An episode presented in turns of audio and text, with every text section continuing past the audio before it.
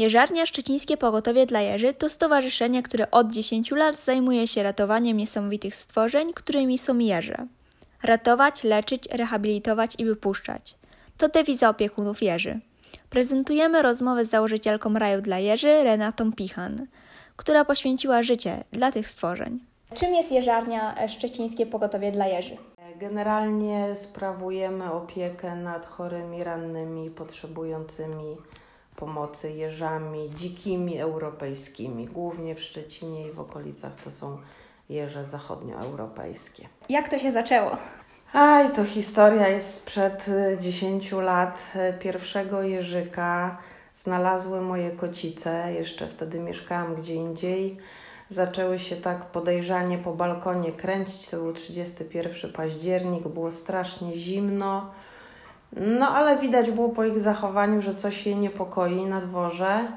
No więc się ubrałam, wyszłam zobaczyć, a ponieważ to jest mieszkanie na parterze i takie schodki na ogródek, no i patrzę, leży coś ciemnego. No to zeszłam, podchodzę, patrzę. Malutki jeżyk, niespełna 100 gramowy, jak sopelek lodu, no ale jak każda mama, po prostu wzięłam stwora pod bluzę polarową, odpaliłam szybko komputer, żeby się cokolwiek o jeżach dowiedzieć. Chociaż nie, nie wiedziałam, czy on żyje w ogóle, no ale na wszelki wypadek. No ale po parunastu minutach, jak jeżyk się troszeczkę do mojego ciała ogrzał, no to czuję, że coś się porusza, więc wyciągam, patrzę, małe oczka się patrzą na mnie. No więc już była radocha. No potem się dowiedziałam jakby podstawowych informacji o jeżach. Potem się skontaktowałam z moim ówczesnym guru jeżowym, czyli panem Jerzym Garą z Kłodzka, który mi udzielił podstawowych informacji. No i to był pierwszy jeż. Wtedy jakby myślałam, że no po prostu uratuję jednego jeża, bo będzie z nami do wiosny. Wiosną go wypuszczę, jakby moja przygoda z jeżami się skończy. Kolejny zwierzak, który gdzieś tam pod moją opiekę trafił. No ale oczywiście pochwaliłam się kilku osobom, że mam jeża. Wśród moich znajomych była szefowa Towarzystwa Opieki nad Zwierzętami w Szczecinie. No i zapamiętała sobie tą informację. I jakby opiekowałam się tym jeżem do wiosny. Wiosną został wypuszczony na ogródku, tam gdzie został znaleziony. No i długo, długo była cisza, aż do następnego roku, do lutego, właśnie koleżanka zadzwoniła, że ktoś znalazł jeżyka, który chodzi po śniegu i że oni nie wiedzą, no i że czy się zajmiemy. No pewnie zajmiemy się. No i potem już pocztą pantoflową się rozeszła wieść po Szczecinie, że mm, są tacy, którzy się jeżami opiekują. W kolejnym roku to było 5 jeży, potem 16, potem 52. No a teraz tak w standardzie to jest około 200 jeży. No i zrobiła się z tego, jakby z, z tego jednego, dwóch uratowanych maluchów no, zrobiła się prawie instytucja, bo to trzeba było jednak e, zdobyć ogromną ilość wiedzy, e, skontaktować się z innymi ludźmi, którzy się jeżami w Polsce opiekują, nawiązać przyjaźnie z weterynarzami. E, dwa lata temu założyłam właśnie Stowarzyszenie Jeżarnia, żeby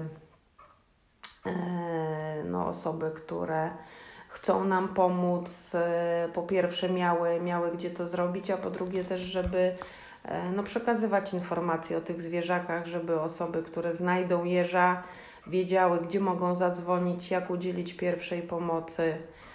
No i tak działamy 10 lat. I właśnie działacie już 10 lat. I dlaczego to robicie? Bardzo szybko wymyśliłam takie powiedzenie, że jeżeli ktoś raz spojrzy w jeżowy pyszczek, to nie ma siły, żeby się nie zakochał. I to jest jakby jedna rzecz. Drugi, drugi powód to jest taki, że największymi wrogami jeży jesteśmy my ludzie. I jakby no, gdzieś tam czuję się w obowiązku, chociaż ja nigdy nie skrzywdziłam żadnego zwierzaka, ale ponieważ no, my ludzie je krzywdzimy bardzo mocno, no to też my ludzie jesteśmy zobowiązani do tego, żeby im pomóc. A też istotną bardzo informacją jest to, że jeże są gatunkiem zagrożonym wyginięciem. I jeżeli nie będziemy pomagać e, tym zwierzakom, to no, za jakieś 20 lat po prostu jeże znikną i, i będą tylko te nieśmiertelne, nieszczęsne historie obrazkowe z jeżem, z jabłkiem na kolcach. Poza tym, e, no ja jestem zwierzęciarzem od urodzenia, od, od zawsze. Ja się wychowywałam przy psach, przy kotach. Potem różne zwierzaki do domu ściągałam, myszki, ptaki, koty, psy. Kiedyś chciałam iść na weterynarię oczywiście, ale w Szczecinie niestety nie było, więc jakby moje plany się zmieniły i jak powiedział kolega weterynarz, realizuję teraz swoje marzenia z dzieciństwa i coś w tym chyba jest. Przeczytałam w podsumowaniu o Was, że 4 osoby, 4 miejsca, 54 jeże, w tym 44 maluchy, 10 dorosłych, 15 kojców, 18 domków, 45 miseczek na karmę i wodę, w tym jedna na zmianę. Czy to się wszystko zgadza? To się wszystko zgadza, tylko już e, jest ich troszkę więcej od tamtej pory, ponieważ jesień to jest tak zwany sezon na jesienne sieroty jeżowe, więc tych maluchów e, przybywa z dnia na dzień. E, Wczoraj tylko dojechały cztery smoczkowe maluszki, jeden ciut większy, bo tamte były 100-gramowe, jeden 300-gramowy z jajami much. E, Przed chwilą też przyjęłam kolejnego jeżyka znalezionego przy Lidlu na pogodnie z raną głowy, z rozciętym noskiem, też całego pokrytego jajami. Także ta liczba w tej chwili jest e, bardzo mocno ruchoma. W związku z tym zwiększa się ilość miseczek, kojców. E, Czy pomagacie jeżom biorąc je do swoich domków? Tak, e, tak, bo to jest e, no jakby konieczny warunek do tego, żeby im udzielić pomocy, bo jeże, które do nas trafiają, to są takie jakby dwie grupy. Pierwsza grupa to są maluchy. Generalnie one są zdrowe, tylko są po prostu środkami. E, Zdarzają się oczywiście chore, poranione też, ale to jest jakby mniejsza ilość. I druga grupa to są dorosłe jeże, e, poranione, pogryzione, kosiarki, spalone w ogniskach, e, potrącone przez samochody. E, No i nie ma inaczej e, możliwości udzielić im pomocy jak tylko w domu. E, Natomiast mamy mm, zgodę Regionalnej Dyrekcji Ochrony Środowiska na prowadzenie takiej działalności, bo jak każdy gatunek chroniony ma swoje prawne wymogi, także mamy w mieszkaniach przystosowane. No najczęściej to jest tak, że jeden pokój lub pomieszczenie jest oddane dla jeży, tam są specjalistyczne kojce, inkubator, e, kojce ogrodowe na ogródkach, bo jeże, które już mają albo odpowiednią wagę, albo po okresie leczenia i rehabilitacji potrzebują e, około tygodnia, dwóch, żeby się przyzwyczaić z powrotem do, do natury, no a później są wypuszczane na wolność. Ile kosztuje utrzymanie takiej gromadki? Nie wiem, ponieważ nigdy jakby nie przeliczałam tego, czy na jednego jeża, czy, czy na, na całą grupę, także nie umiem podać takiej kwoty mm, ogólnej. Natomiast kosztuje to dużo, dlatego że no po pierwsze musimy mieć kojce. E, Musimy mieć odpowiednią karmę. Nie może to być byle jaka karma z pierwszego lepszego marketu, ponieważ jeże są największymi ssakami owadożernymi, czyli mięsożercami. E, Wymagają e, bardzo dobrej gatunkowo kociej karmy, która no, jest droga. E, Do tego dochodzi zakup żywych robaczków, karaczanów, świerszczy, takiej naturalnej karmy, plus specjalistyczne preparaty do pielęgnacji ran.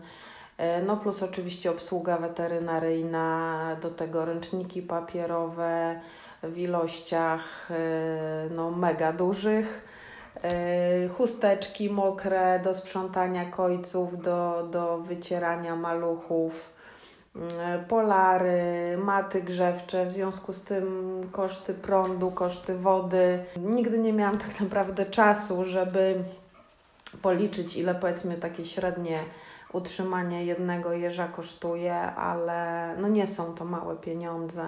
E, Co jest Waszym największym sukcesem? Czy, czy są to te dwa wspomniane na Facebooku małżeństwa jeżowe? To na pewno, mm, ponieważ yy, no jakby dwie osoby na całe województwo to jest bardzo mało.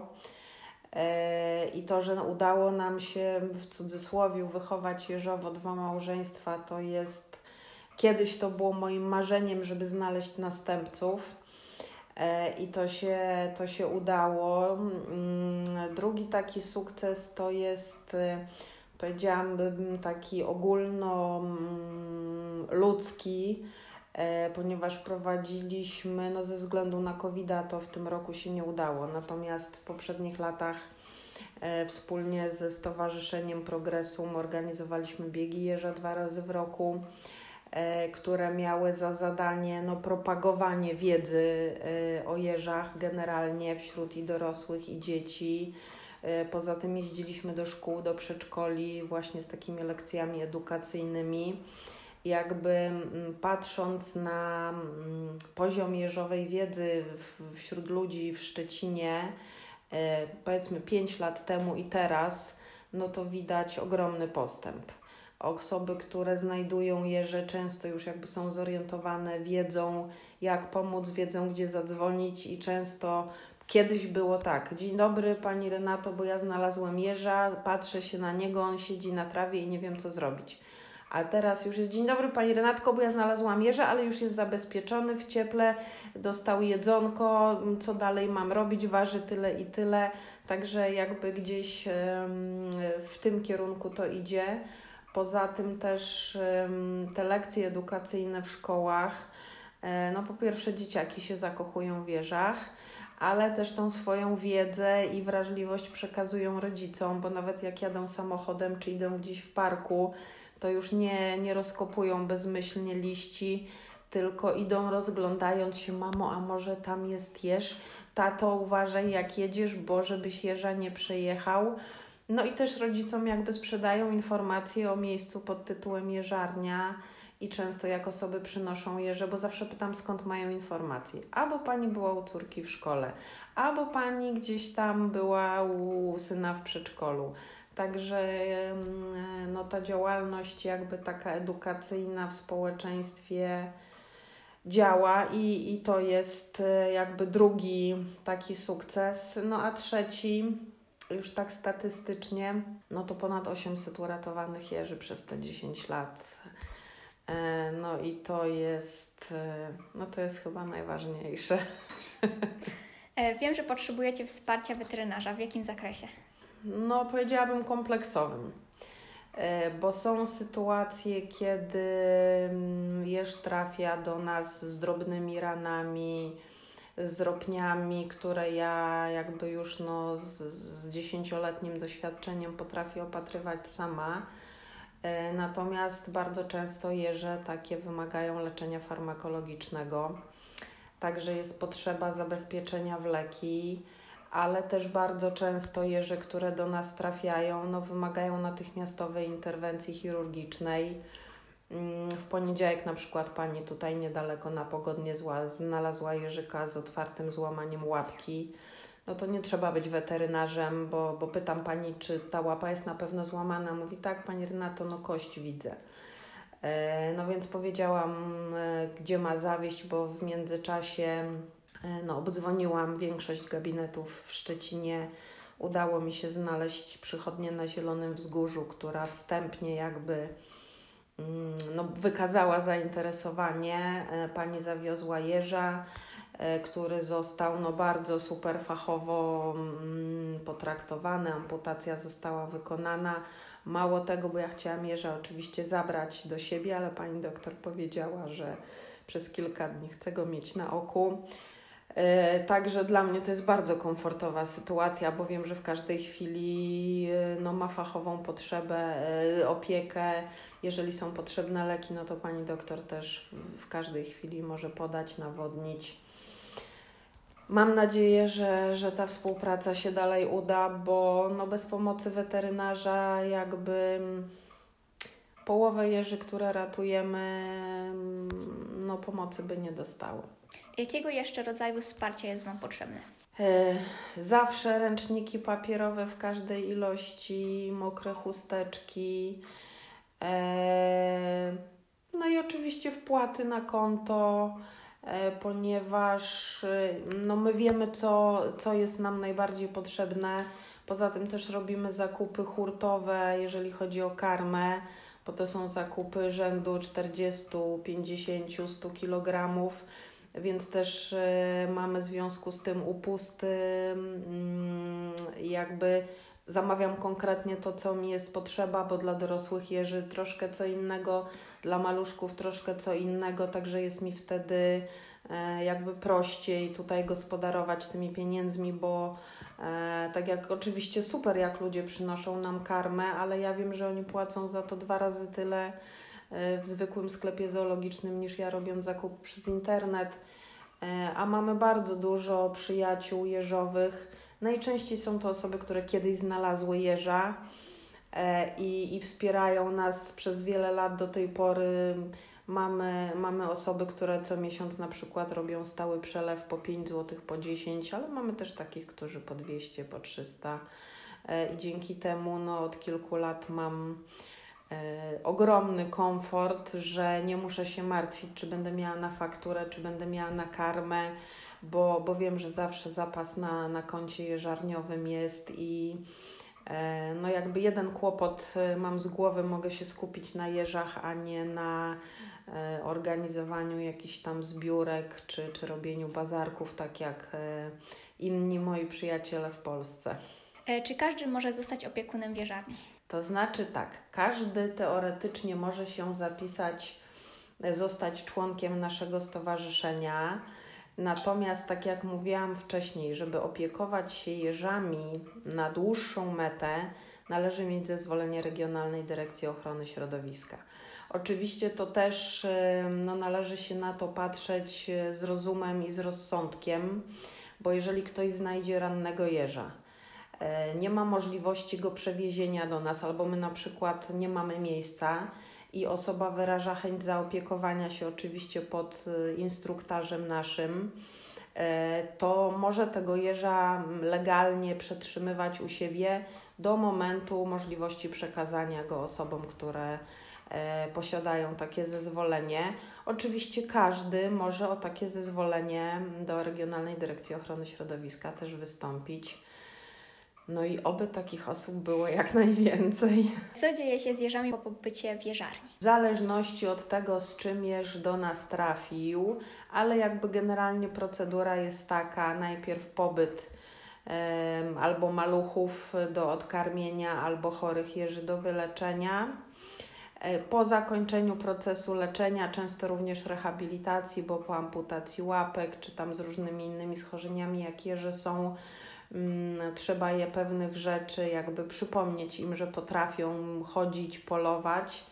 E, potem trafiają do kojców ogrodowych, e, gdzie dostają już tylko naturalną karmę, gdzie już nie ma brania na ręce, tulania maluchów, tylko wtedy już rękawiczki, żeby nauczyć je, że, mm, no, że człowiek nie jest do końca przyjacielem. My to ten proces nazywamy zdziczaniem jeży.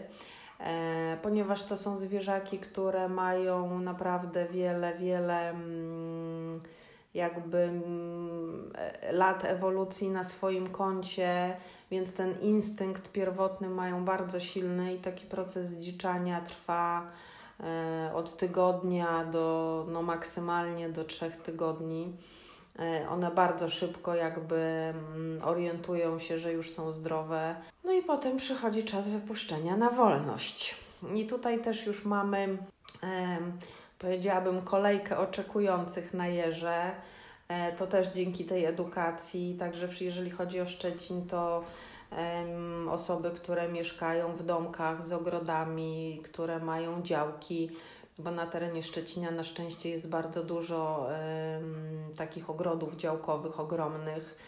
E, także tam też e, właśnie do, do tych osób wypuszczamy jeże. E, te osoby bardzo często przygotowują ogrody na przyjęcie jeża, budują domki, zapewniają jedzenie, także też idą jakby, mm, no wiemy do kogo, wiemy na, na jakie warunki, na jaki ogród. E, chociaż też mamy miejsca pod Szczecinem e, w, różnych rejonach, gdzie wypuszczamy w taką zupełną dzicz e, jeże, ale jakby to są takie miejsca sprawdzone, mamy informację, że tam zaraz nie będzie budowane osiedle albo droga. Tak naprawdę do tej pory przez, przez te 10 lat działalności mm, tylko cztery jeże musiały zostać pod opieką człowieka. E, Jedna to była jeżynka bez przedniej łapki, która pojechała e, na dożywotni pobyt do pana w Gorzowie, który opiekuje się jeżami. E, I trzy jeże, moje ukochane łysole, mm, które nie mogły wrócić na wolność ze względu na to, że nie mają zębów, nie mają futerka i mają duże braki w kolcach. Zostały przygarnięte przez pana z Warszawy, oddał im swój ogród 300-metrowy, zabezpieczył tak, żeby nie mogły wyjść. E, Także no, zbliża się już ich trzecia hibernacja niedługo. E, A cała reszta jeży, które udało się uratować, wszystkie wracają na wolność. E, Najbardziej niezwykła przygoda związana z ratowaniem jeży.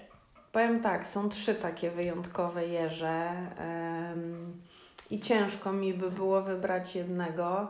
Pierwsza to była jeżynka dziwna, znaleziona w moim ukochanym Dziwnowie przez wspaniałą rodzinę. I to był mój pierwszy, poza tym pierwszym jeżem, to był mój pierwszy taki maluszek, którego wychowałam. Jeżynka miała 70 gramów. Mm, Była pokryta cała, mm, poza kolcami, kleszczami. Po stu kleszczach przestałam już liczyć. No, była skrajnie wycieńczona, ale udało się dziwne uratować, mm, ponieważ no, wychowywałam ją od maluszka, karmiłam, chodziła ze mną do pracy. E, I mm, małe jeże wydają takie dźwięki, wołając mamę, podobne do ćwierkania wróbli, i teoretycznie robią to do wagi 200 gramów. Natomiast dziwna, mając 600 gramów, jeszcze mnie wołała. E, Hibernowała na balkonie, wyrosła na piękną, ogromną jeżynkę. No i wiosną pojechaliśmy ją odwieźć do Dziwnowa, do tego lasu, e, gdzie została znaleziona. E, No dla mnie to było bardzo traumatyczne przeżycie, nawet jak mówię teraz, to mi się głos łamie, bo z jednej strony no byłam przeszczęśliwa, że udało się ją uratować i wypuścić w tym miejscu, z którego pochodzi, natomiast no ryczałam strasznie. To było 4 lata temu. E, Jeżdżę dwa razy w roku do Dziwnowa i zawsze idę do tego lasu i chodzę i mówię dziwna, dziwna. E, Ją wołam, także to, to bardzo wyjątkowa jeżynka. Zresztą dwa lata później w tym samym miejscu te same dziewczyny znalazły małego jeżyka.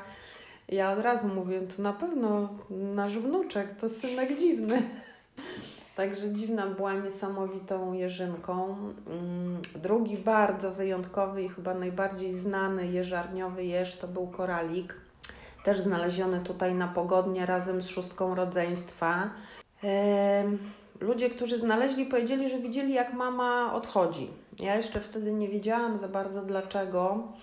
E, okazało się, że jeżowe mamy po prostu czują, że miod jest chory i zostawiają, no bo wiedzą, że i tak nie przeżyje, i tak nie przeżyje. No prawa natury są brutalne, ale jakby ja już inaczej na to patrzę.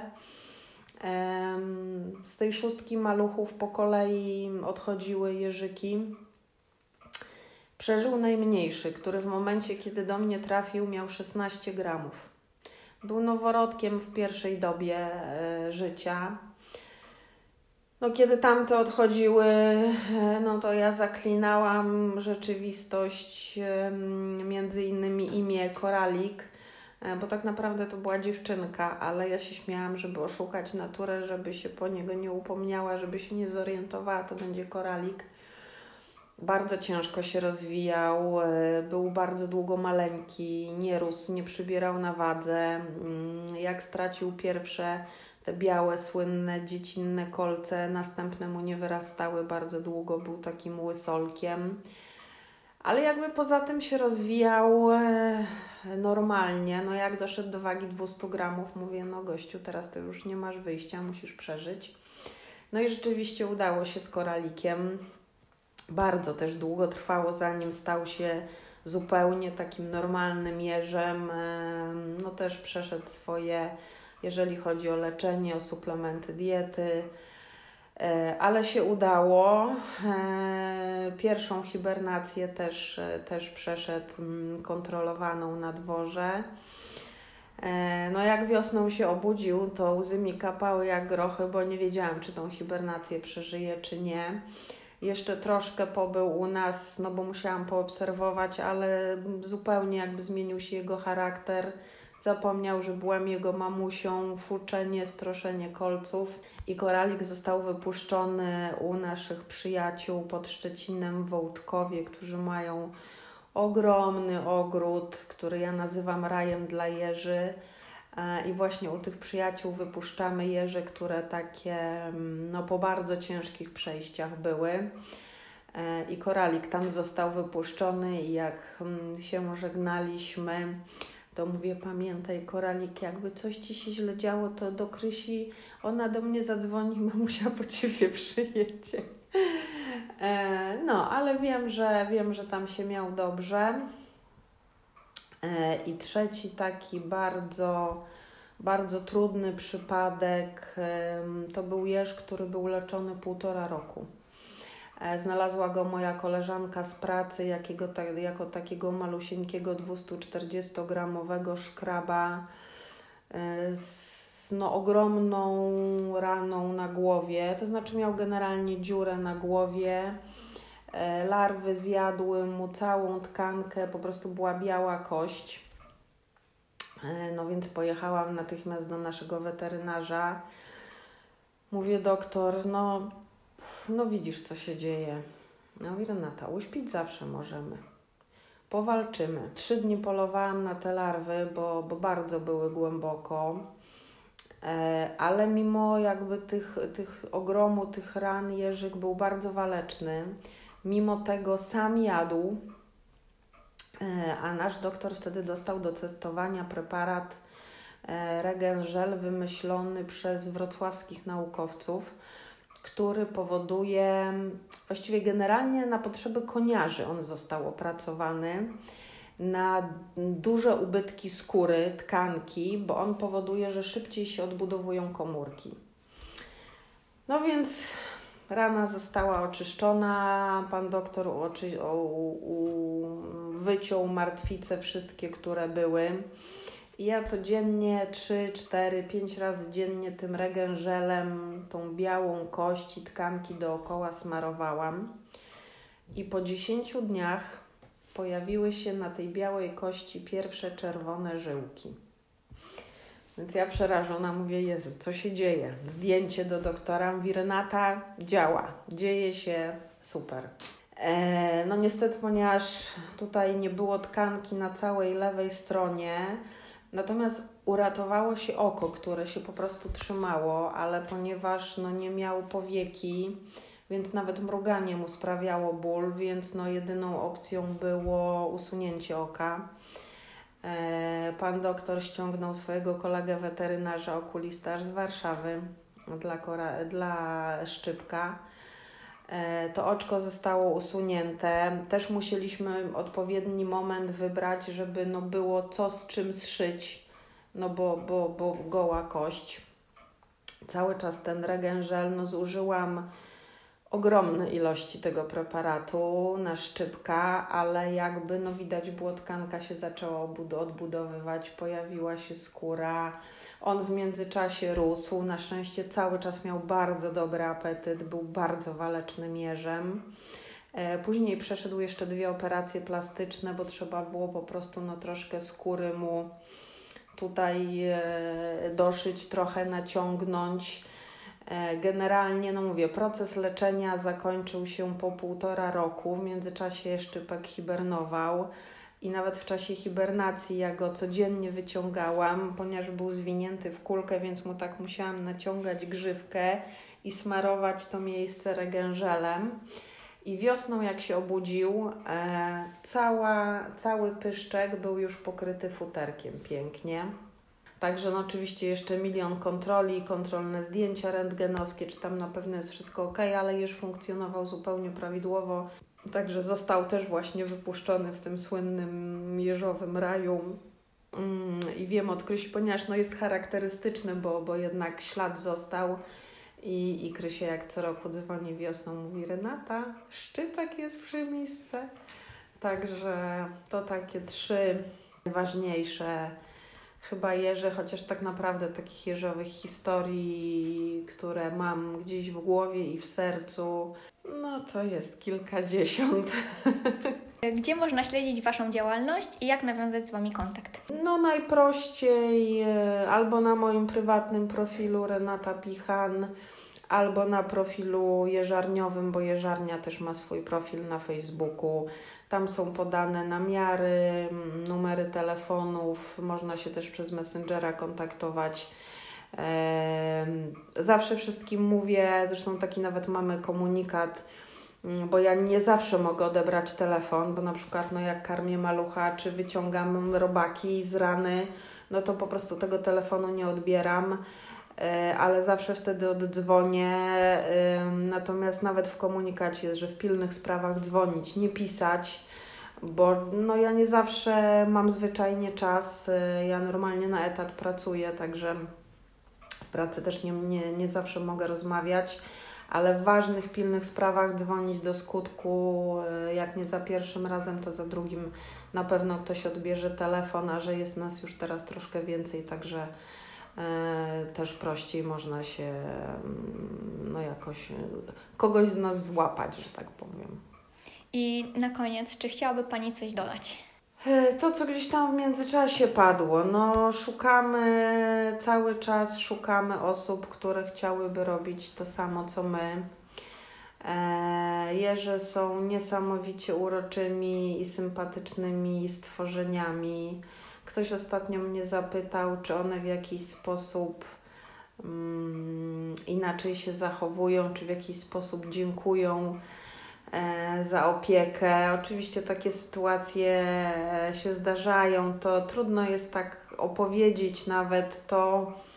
e, Bardziej w sferze uczuć jest, kiedy wypuszczamy jeże na wolność i kiedy one mogą sobie pójść po prostu w świat, a mimo to po kilku krokach gdzieś w stronę wolności albo odwrócą głowę i się popatrzą, albo wrócą się, obejdą dwa kółeczka dookoła nóg, dotkną noskiem. E, No i to jest jakby dla mnie no, największa nagroda, bo jakby wiem, że ten zwierzak czuje, że ja mu e, pomogłam, że okazałam mu serce. E, A wiem, że ludzi mm, z dobrym sercem jest naprawdę całe mnóstwo. Mm, No a problem jest taki, ja jestem coraz starsza, mam, mam rodzinę, mam no, osoby, którymi muszę się zaopiekować. W związku z tym tego czasu mm, na jeże jakby mam w tej chwili coraz mniej. E, A z drugiej strony nie wyobrażam sobie sytuacji, żeby no nagle się odciąć i zostawić jeże bez pomocy. E, Także e, gdyby można było taki apel o osoby, które mają ogrody, domy, bo to jednak w mieszkaniu jest ciężko, chociaż też można. No, szukamy następców, szukamy następców cały czas. To jest jakby e, jedna taka ważna rzecz. e, I, I druga ważna rzecz, właściwie też taki apel do ludzi, mm, że tak naprawdę niewiele trzeba z naszej strony zrobić, żeby tym jeżom uratować życie. To są bardzo proste rzeczy, jak jedziemy na drodze. Jeż to nie jest sarna, czy kot, czy pies, że nagle wbiegnie. On po prostu sobie idzie. Ja jestem kierowcą od 30 lat i nie zdarzyło mi się przejechać jeża. Wiele razy je spotykałam i spokojnie można wyhamować. Mm, Osoby, które mają ogrody, działki, zanim podpalą zgrabione liście czy jakąś tam stertę patyków, wystarczy sprawdzić, jak boją się ręką, to, to rozg- rozgarnąć te liście, bo, bo najczęściej takie miejsca są po prostu domem dla jeżowej rodziny.